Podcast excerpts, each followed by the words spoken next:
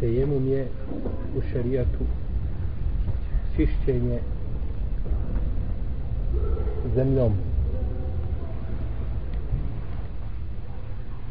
Čišćenje koje dozvoljava kojim se može činiti ono što se može činiti kada čovjek ima abdest ili kada je uzeo gusul. Temom je propisan Kur'anom, sunnetom i konsensusom islamskih učenjaka. Što se tiče knjige Allahove Tebarak te Otala kaže uzvišeni فَلَمْ تَجِدُ مَاءً فَتَيَمَّمُ سَعِيدًا طَيِّبًا A ako ne nađete vode, vi se očistite sa zemljom.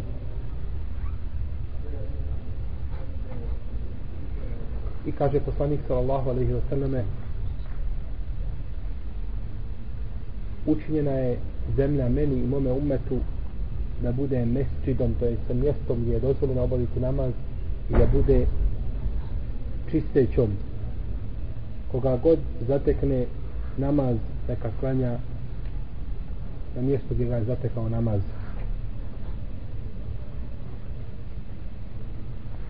Ima mesčid i ima ono čime će se očistiti. To je znači odlika samo ome umetu. Priješnje umeti nisu mogli znači koristiti zemlju za čišćenje, niti su mogli niti su mogli da klanjaju na bilo kom mjestu jeli, i zatekne namaz, nego su morali nego su morali klanjati na posebno određenim mjestima mjesta posebna koja je bila za namaz kao što je bio mihrab u vrijeme koga? Zekerije. I bilo posebno mjesta mihrab. Nije ovaj mihrab što mi vidimo. Jer ovaj mihrab što mi vidimo on nema veze sa islamom. Ovo su ljudi postavili uveli. Za razliku od mimbera. Mimber je u šarijetu legitiman, da se imam popne na mimber. A što tiče mihraba, to nema nikakve osnove. Čak imam sujutija, ima jedno dijelo koja je posvetio, kome je dokazao da mihrab nije od islama, da mihrab nema veze sa dinom. Tako da su to postavili ljudi radi akustike, kad se uči Kur'an, da se šta? Se vraća zvuk onima koji ne čuju. Tako da danas nema nikakve potrebe za mihrabima, nego je to samo raspanje i metka, zato što je mira zvučnici. Mi zvučnici nema potrebe, znači da se rasipa na takav način i.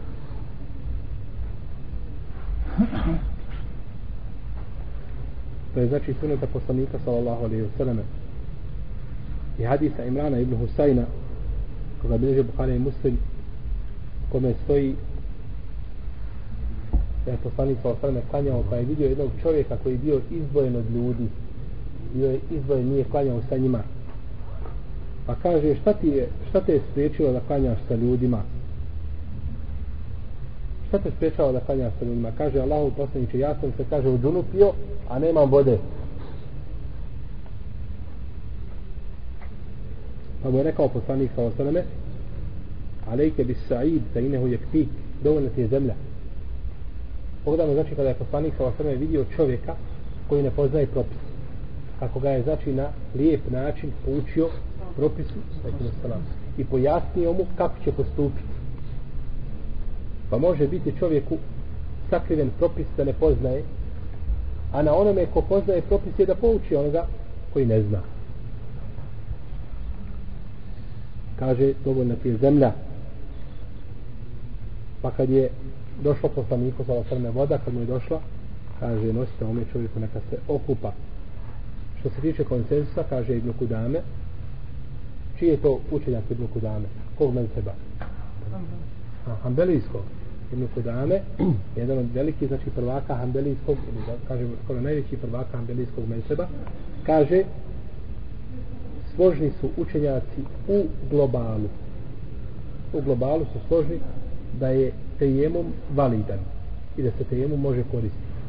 A sad se razilaze čime se može se uzmati tejemom to je opet sporedna znači stvar ali tejemom kao tejemom složni se znači da postoji u din islamu i nema o tome razilaženja ni kod Hanefija, ni kod Malikija, ni kod Šafija, svi složi, znači da se čovjek može, da može uzeti. E sad, to što se Hanefije i Malikije kažu da se tejemu može uzeti sa svim što je na zemlji, a Hanbelije i Šafije kažu samo sa zemljom koja ima prašinu, to je druga stvar.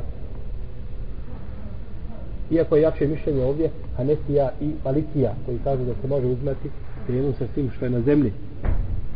Ali, znači, govorimo u globalu da je legitimno uzimanje tejemuma.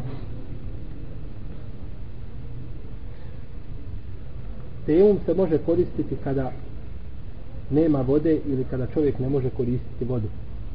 Nema vode ili ne može koristiti vodu. Kaže ima neuvi, ovo je kaže mišljenje učenjaka naše pravne škole. Koje pravne škole? Šafijske pravne škole. I svih učenjaka kaže općenito od ashaba, tabina i onih poslije i onih poslije njih. Dakle, tejemum se može koristiti kada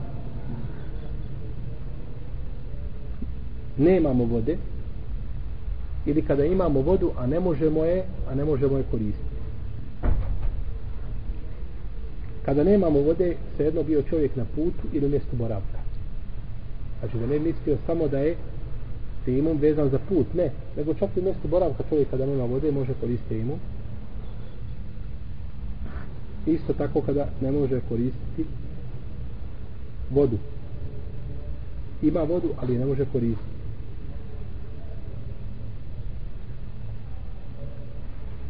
Šta mu koristi voda koja je u bunaru, koja je bunar 10 metara dubok, a on nema čime izdati? Ima li vodu? on ima vodu, ali od onih koji ne može koristiti vodu. Ili je čovjek bolestan, pa ne može na takvo tijelo stavljati vodu, ili voda sluče hlada, pa bi koristio, recimo ako bi se kupao, mogla bi mu pogoršati njegovo zdravstveno stanje i tako dalje. U tim slučajima, znači, šarija dolazi sa olakšicom, pa čovjek koristi temu. Da bi čovjek koristio temom na putu, ne mora biti njegov put, put pokornosti. Što znači ove riječi? Lema kada govori o olakšicama, često kažu olakšice može koristiti čovjek koji je na putu, ako put nije put nepokornosti. Kako ime? Čovjek krenuo odavde iz Sarajeva u Bihać da ukrade djevojku od babe.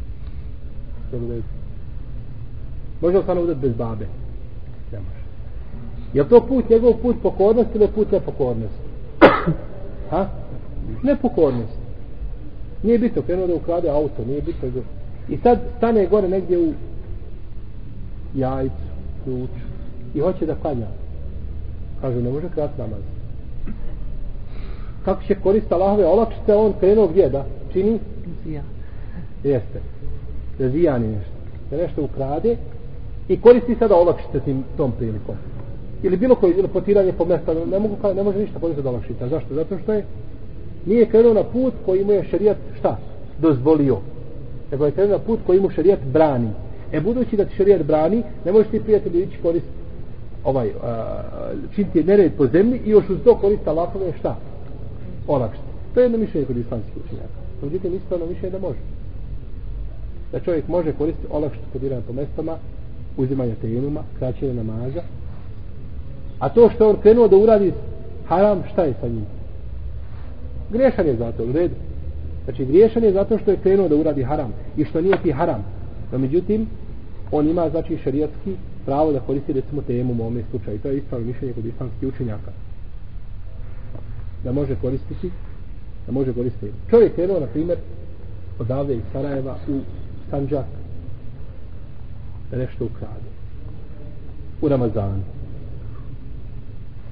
Može li da ne posti taj dan? Može. Je li on putnik?